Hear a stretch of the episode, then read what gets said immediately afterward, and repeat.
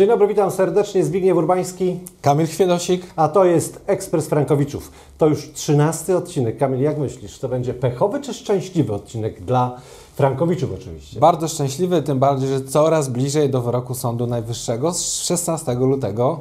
Czyli rzeczywiście już niedługo, a przed nami prawdopodobne mrozy, przynajmniej wreszcie ta bestia ze wschodu może się pojawi w Polsce, ale my przechodzimy do skrótu newsów, którymi zajmiemy się w dzisiejszym odcinku. Kuriozalne propozycje ugód milenium. Jak wygląda struktura wyroków w sprawach frankowiczów? Wkrótce przełomowy wyrok Sądu Najwyższego dla setek tysięcy frankowiczów. Zasada dwóch kondycji. Wydarzenia. Kolejna wygrana z Paribas, tym razem umowa multihipoteka. Przed nami wywiad z Frankowiczem, a także wywiad z ekspertem. Na koniec przygotowaliśmy odpowiedzi na pytania internautów.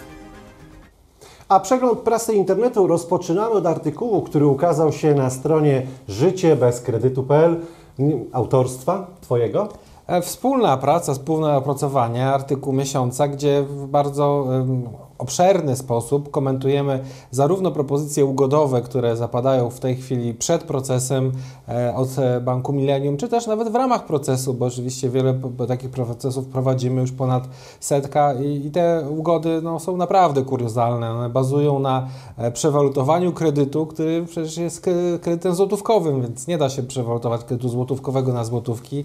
Rzecz numer jeden.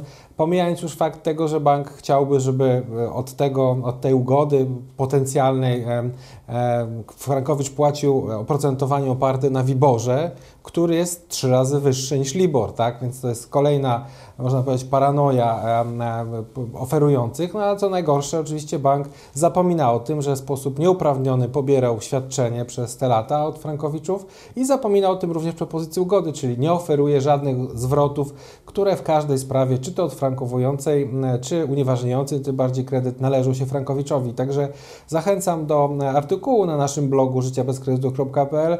Tam też mogą Państwo dokładnie przekonać się, jak to wygląda od strony liczb. Wyliczyliśmy to dokładnie.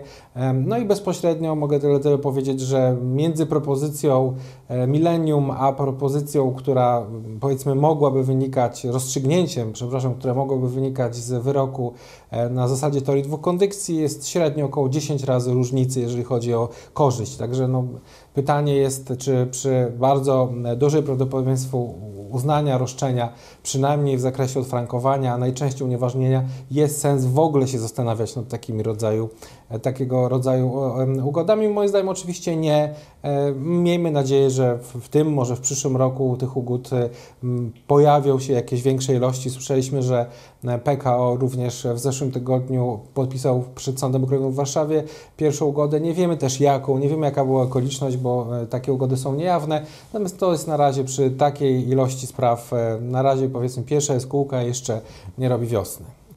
Ale Kamil, wydaje mi się, że ugody w przypadku tylu unieważnień, jakie y, życie bez kredytu odnotowuje, to chyba nie jest najlepszy pomysł. Gdybyś mógł powiedzieć teraz o strukturze wyroków właśnie w sprawach Frankowiczów, bo zerknę sobie na kartkę, łączne unieważnienia to 93%. Tak, to prawda, zdecydowanie. Jeżeli chodzi o wszystkie wyroki, które zapadają zarówno w pierwszej, jak i w drugiej instancji, średnia wyroków unieważniających e, kredyty na zasadzie teorii salda, teorii dwóch kondycji, to jest 93%. Oczywiście to są dane stricte e, dotyczące członków społeczności życia bez kredytu najświeższe dane, bazujące również na wyrokach w styczniu 2001 roku. No i z tej perspektywy można powiedzieć, że inne rozstrzygnięcia, które bazują chociażby na odfrankowaniu, to jest około 5% wyroków, czy też oddalenie powództwa 2%, więc to są raczej skrajne przypadki, które raczej potwierdzają regułę, że możemy liczyć, że w większości przypadków faktycznie sąd będzie skłonny do tego, aby taką umowę unieważnić. No i oczywiście biorąc pod uwagę czas, który minął od momentu, kiedy rozpoczęliśmy pomoc Frankowiczom 5-6 lat temu, niektórzy mówili, że wręcz jest to niemożliwe. Dziś pokazujemy, że absolutnie nie tylko jest to możliwe, ale też najbardziej prawdopodobne, że warto wierzyć, warto pracować nad tym, aby ten cel, którym, no umówmy się, jest najlepszym rozstrzygnięciem dla Frankowiczów, był osiągnięty. Jest to oczywiście poparte dużą ilością pracy przez te lata, zarówno członków z zespołu prawa finansowego, ekonomii, jak i generalnie innych osób, które miały wpływ na to, że ta, nazwijmy to, nasza strategia faktycznie znalazła zrozumienie i akceptację poszczególnych sędziów, zresztą w różnych sądach, bo nie, to nie tylko w Sądzie Okręgowym w Warszawie.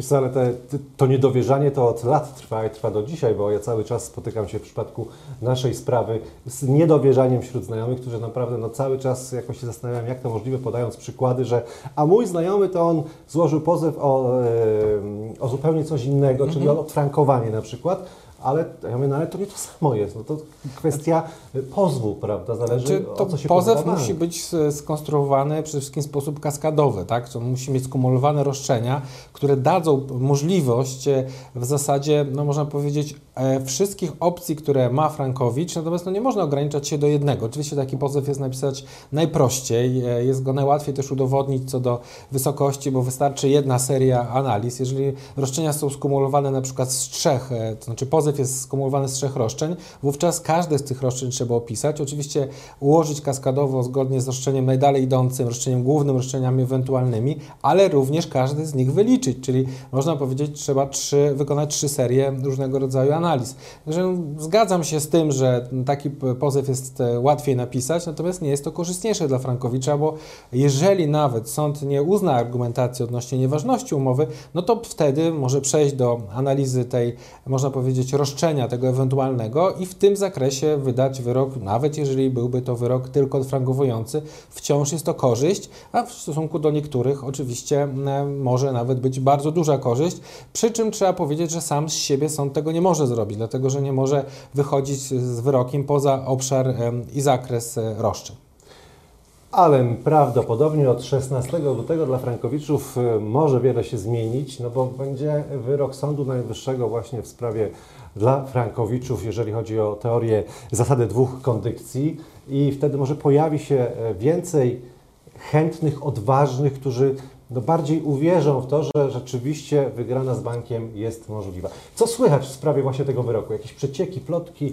Jak myślisz, tak, co się mamy wydarzy? przecieki. Wczoraj dostałem informację, że będzie teoria dwóch kondykcji. O! Kolejne pytanie. Nie no, oczywiście liczymy się z tym, że, że jakaś niewielka szansa na, na, to, że sąd jednak odmiennie podejdzie do tego, czyli że z jakichś przyczyn będzie aprobował tą teorię Salda. Natomiast no, w większości przypadków w tej chwili zarówno orzecznictwo na to wskazuje, jak i inne orzeczenia w mniejszym składzie Sądu Najwyższego jednak e, obstawiają to sino causa, czyli teorię dwóch kondykcji. Natomiast no, trzeba pamiętać o tym, że e, to rozstrzygnięcie Sądu Najwyższego, ono tak jakby nie mówi jedynie o tym, czy Frankowicz ma rację, czy nie ma racji, tylko ono mówi o tym, i to jest chyba rzecz najważniejsza i kardynalna w tej sytuacji, co się dzieje z nieważną umową. Więc my jesteśmy już krok dalej niż e, jakby rozstrzyganie. My dopiero w tym momencie chcemy się dowiedzieć, i skoro już mamy tą umowę nieważną, to w jaki sposób powinno wynikać, jak powinna wyglądać e, ta sytuacja związana z rozliczeniem, czyli czy teoria Sada, czy teoria dwóch kondykcji, więc na ten moment e, jesteśmy przekonani w zasadzie wewnętrznie, że będzie to teoria dwóch kondykcji, ale poczekajmy jeszcze, jeszcze zostało e, parę dni do tego, żeby faktycznie e, usłyszeć to i, i, i mieć przekonanie, że wiele spraw się będzie odwieszonych i wiele spraw faktycznie, które czekają, oczekują na sam wyrok w sądzie apelacyjnym, faktycznie będziemy mogli, można powiedzieć, z radością przyjąć w ramach tego, że umowa będzie nieważna i zakładamy, że na zasadzie teorii dwóch kondykcji. A wtedy prawdopodobnie e, nasza tematyka w programie może się zmienić, będzie mniej newsów e, z prasy internetu, a więcej wydarzeń, Tak. bo dla nas każde, każda wygrana jest wyjątkowym wydarzeniem i nie inaczej jest dzisiaj, ponieważ mamy kolejną wygraną, prawda? Tak, zgadza się. No tutaj e, jakby nasz e, ulubiony w ostatnich miesiącach bank Paribas, e, który tym razem poległ z uwagi na nieważność, na stwierdzenie nieważności i właśnie na zasadzie teorii dwóch kondycji zasądzenie zarówno wszystkich kwot w złotówkach 10 lat wstecz, jak i we frankach. E, Kredyt e, inny, bo pierwotnie był to kredyt Dominet Banku, natomiast jak pokazuje e, jakby wszystkie okoliczności, nie był to nawet bardzo zbliżony wzorzec do chociażby kredytów BGŻ czy Fortisu, ale każda umowa, która zostaje przez naszych ekspertów przeanalizowana, nieważne czy to jest mniejszy czy większy bank, ona jest y, analizowana indywidualnie, incydentalnie podchodzimy do tego, czy faktycznie e, jest szansa na e, zd- zdobycie odpowiedniego wyroku w sądzie, czy też nie ma. Dlatego nazwa banku nie ma znaczenia. Ważne jest, że faktycznie w takich umowach znajdują się e, klauzule niedozwolone i przez to też bardzo często dochodzi do upadku całej umowy. Pamiętasz, e, w którym roku e, został wzięty ten kredyt? Bo nazwa Dominet Bank oczywiście ja pamiętam, ale nie jestem w stanie w żaden sposób przypomnieć sobie, jakie to były lata, 2007 czy wcześniej? Mhm. No wcześniej E, nie? Nie przypomnę sobie. przypomnę. Zakładam, że być może to jest 7, 6, 8, tak gdzieś, ale, ale to, to, to nie były jakieś zamierzchłe czasy. Natomiast oczywiście bank bardzo niewielki, e, udzielał na pewno bardzo mało takich kredytów. Jeżeli Wy pamiętacie, kiedy był w Polsce Dominet Bank, to piszcie w komentarzach. Dziękujemy serdecznie. Tak jest. E, Słuchajcie, przechodzimy do mm, kolejnego punktu, czyli do rozmowy z Frankowiczem, który opowie o swoich perypetiach dotyczących kredytu i o tym, jak współpracuje mu się w ramach społeczności Życie bez kredytu. Zapraszam.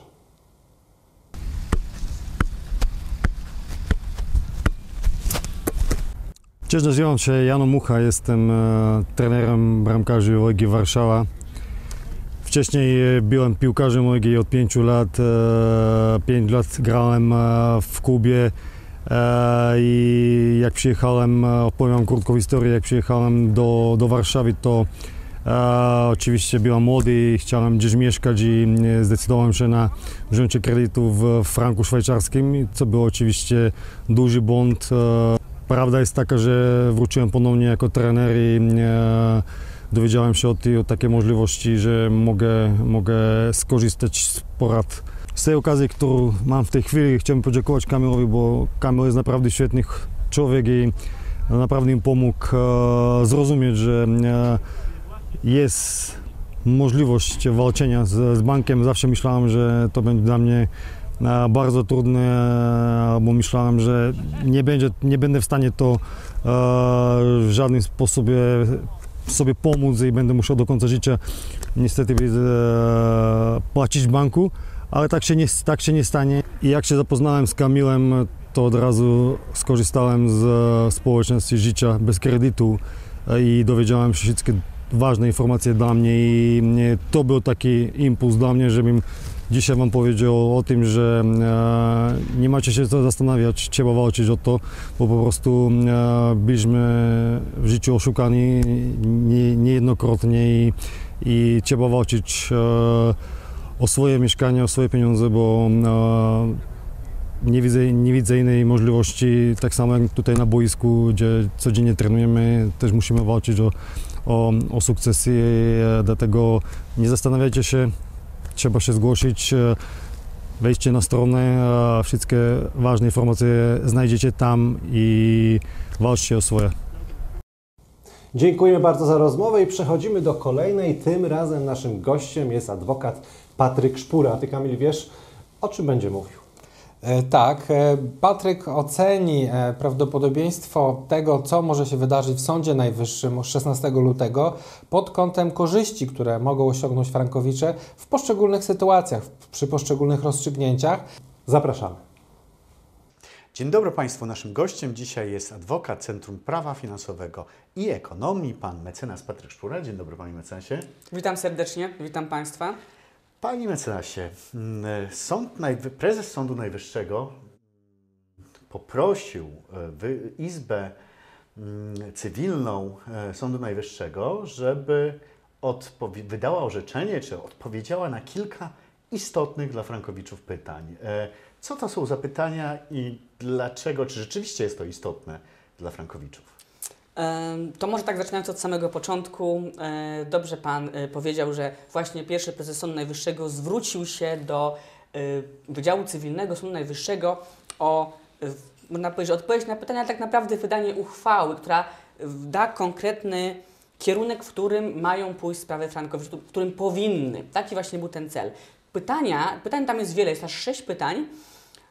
Oczywiście ja za chwilę Państwu je, je przytoczę, ale trzeba zwrócić uwagę, że są one niesamowicie konkretne i wręcz y, wydaje, że celem y, było po prostu wybicie argumentów bankom w pozwach, w sprawach z Frankowiczami, no, ewentualnie gdyby, daj Boże, wyrok był, był niekorzystny, się, uchwała byłaby nie, niekorzystna, czego się raczej nie spodziewamy, gdyż tak naprawdę mamy potwierdzenie już w dotychczasowym orzecznictwie Sądu Najwyższego i Trybunału Sprawiedliwości Unii Europejskiej, gdyż pierwszym pytaniem jest to, czy można zastąpić klauzulę abuzywną y, innymi przepisami prawa albo zwyczajem. I to właśnie chodzi o to, że po wyroku Trybunału Sprawiedliwości Unii Europejskiej z 3 października 2019 roku, gdzie sąd powiedział, że nie można zastępować przepisami dyspozytywnymi, chyba że sam konsument będzie tego chciał, e, banki stanęły na stanowisku, że one odnoszą się do y, kursu średniego NBP jako do zwyczaju i do, w tym zaczęły szukać sobie y, pomocy i, i, i uratowania swojej sytuacji. I tu będzie konkretna odpowiedź. No, odpowiedź mo- może być tylko jedna. E, Musi tu być odpowiedź e, po prostu przecząca.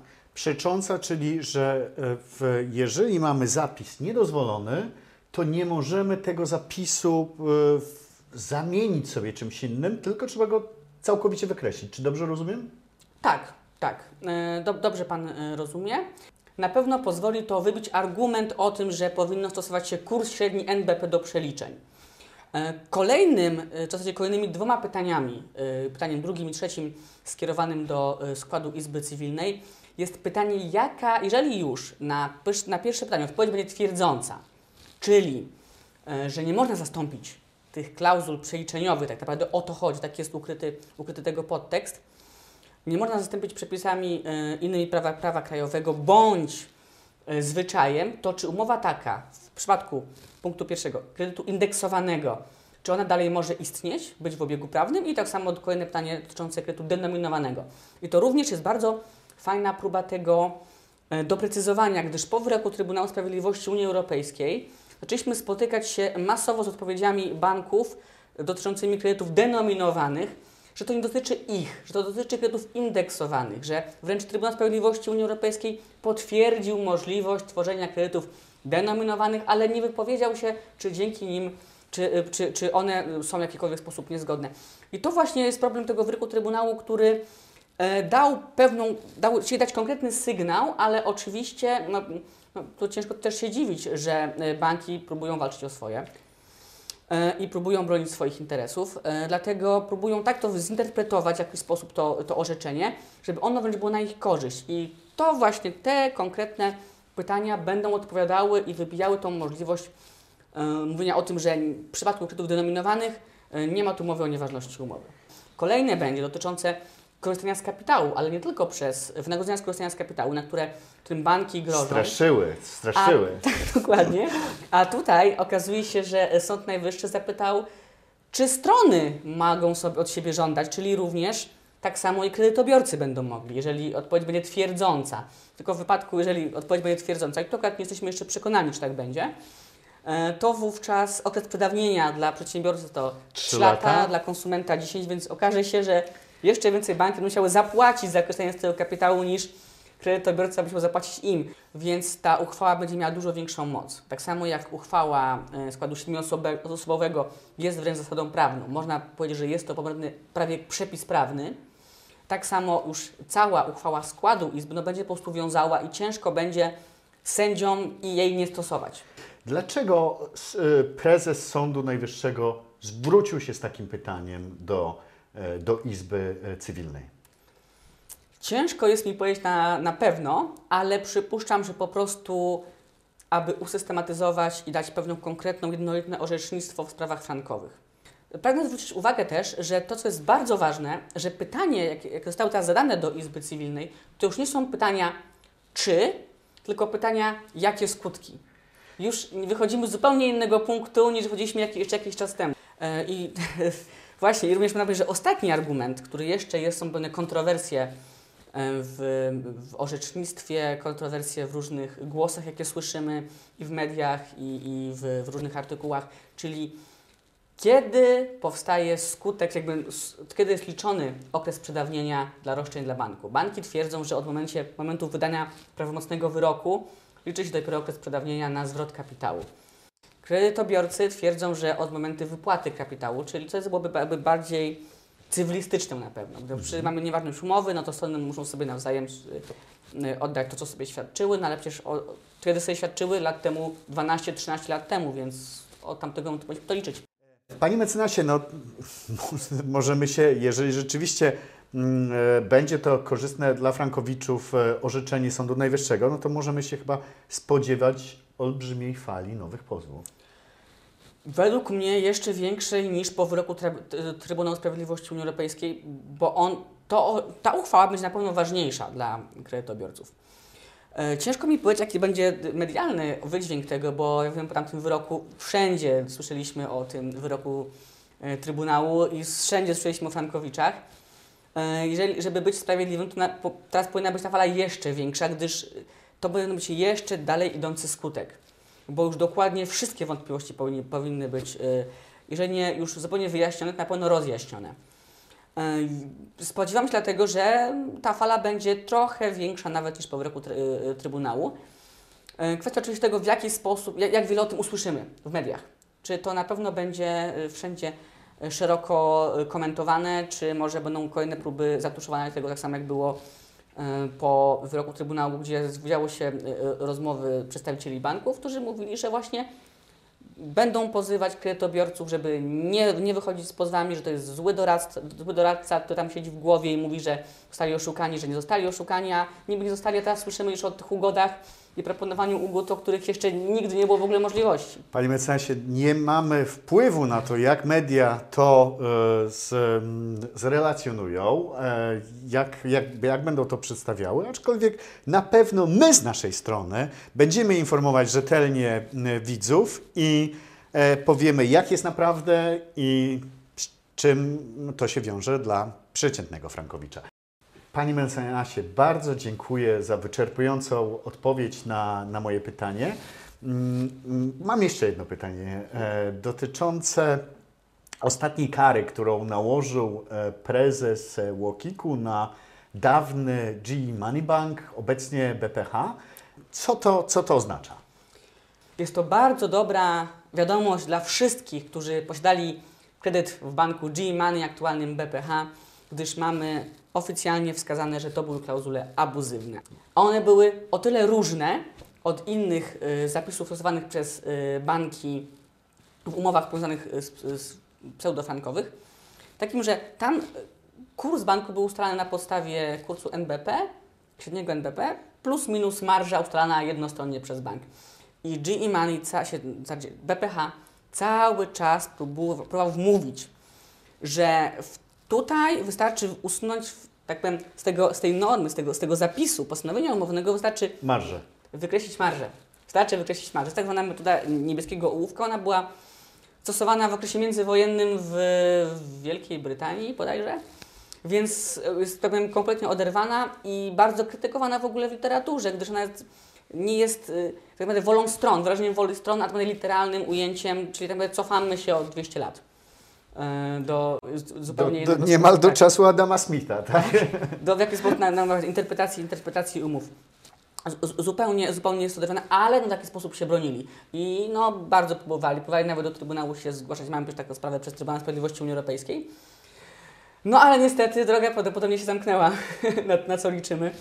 I mamy, że to myślę, że powinno być kolejnym sygnałem, że nawet takie zapisy, które są trochę, trochę inne niż, y, niż po prostu, że w tabelach banku będzie ustalany na stronie nie wiadomo w jaki sposób, W jaki sposób, tak? ale tutaj mamy niby NBP i myślę, że o, no zostawmy ten NBP, oni by zadowoleni myśleli, że coś tam jeszcze mamy do ugrania. E, No i wychodzi na to, że będą mieli coraz trudniej do ugrania, a coraz łatwiej będą mieli kredytobiorcy starego GE Money. E, Dla mnie to jest, to jest przede wszystkim też bardzo ważny sygnał dla tych wszystkich kredytobiorców, że te klauzule są nieuczciwe. Ponieważ są nieuczciwe, to y, mogą walczyć o swoje prawa w sądzie. Szanowni Państwo, jak usłyszeliśmy z ust Pana mecenasa, będzie się działo, czeka nas e, ciekawa, e, ciekawa przyszłość i na pewno będziemy z zaciekawieniem czekać na orzeczenie Sądu Najwyższego i na pewno Państwa o tym poinformujemy. Panie mecenasie, dziękuję bardzo za rozmowę. Dziękuję bardzo, dziękuję Państwu. Dziękujemy bardzo panu mecenasowi, a teraz pora odpowiedzieć na pytania Wasze, czyli Frankowiczów. Y, Lucyna, Jan i Bogdan. Od kogo zaczynamy? Od pani Lucyny. Pani Lucyna. Pani Lucyna pyta, jak liczyć przedawnienie rat? E, pani Lucyna, przedawnienie rat liczy się w bardzo prosty sposób. E, to znaczy każde roszczenie powyżej 10 lat wstecz mamy przedawnione, czyli obecnie wszystkie roszczenia od e, lutego 2000 11 uległy przedawnieniu, czyli mówimy o tym, że możemy dochodzić rat, które pani wpłacała nie więcej niż 10 lat wstecz. Oczywiście, jeżeli sprawa będzie się toczyła przez 2-3 lata, to w czasie trwania postępowania te pieniądze, które będą wpłacane do banku w czasie trwania e, rozprawy sądowej, mogą być również odzyskane, czy to w ramach rozszerzenia powództwa, czy później po wyroku, korzystając z powagi rzeczy osądzonej, w ramach e, ściągnięcia z banku właśnie należności odnośnie tych dalszych kwot wpłacanych od dnia złożenia pozwu. Generalnie nie przedawnia się cała sprawa, czyli bank można zawsze pozwać, natomiast ograniczenie jest tylko co tych 10 lat wstecz względem możliwości dochodzenia roszczeń finansowych. Dziękuję Ci bardzo. Przechodzimy Proszę do pana Jana. Pan Jan pyta, czy bank zawsze odwołuje się od wyroku pierwszej instancji? E, Panie Janie, no obecnie sytuacja jest taka, że bank faktycznie, każdy, który znam, składa apelację, czy to do sądu okręgowego, jeżeli sprawa była w pierwszej instancji w sądzie rejonowym, czy to do sądu apelacyjnego, jeżeli sprawa była w pierwszej instancji prowadzona przez sąd okręgowy.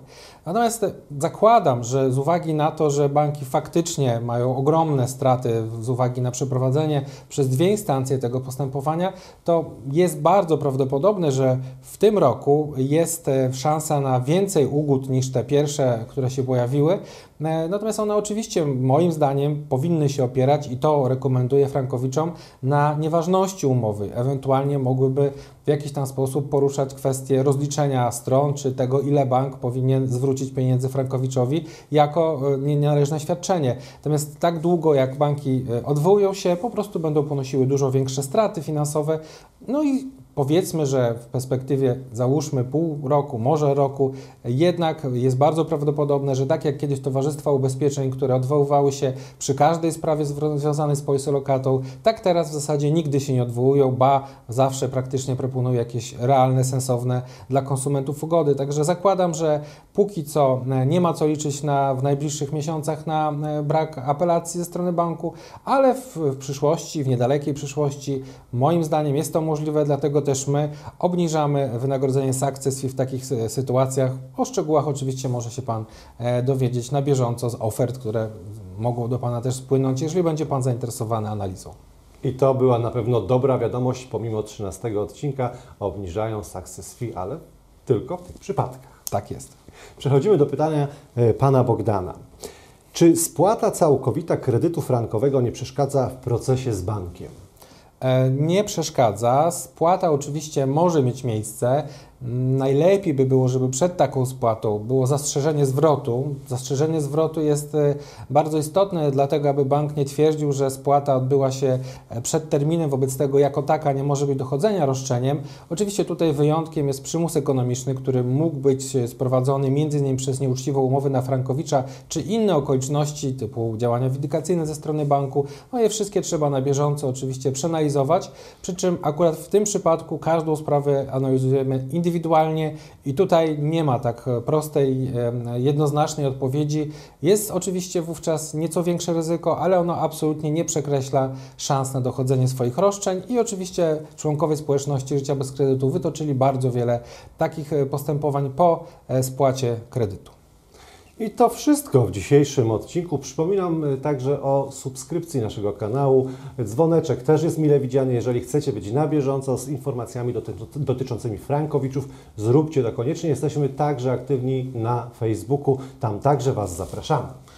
Dziękuję bardzo Państwu również za subskrypcję, dlatego że e, ostatnio spojrzałem, że już jest ponad Tysiąc subskrypcji w ciągu ostatnich czterech miesięcy. No to jest ogromna li- liczba nowych użytkowników, nowych oglądających nasz e, program i nasze treści. Dziękuję bardzo i mm, pozdrawiam serdecznie do kolejnego odcinka. Do zobaczenia. Do zobaczenia.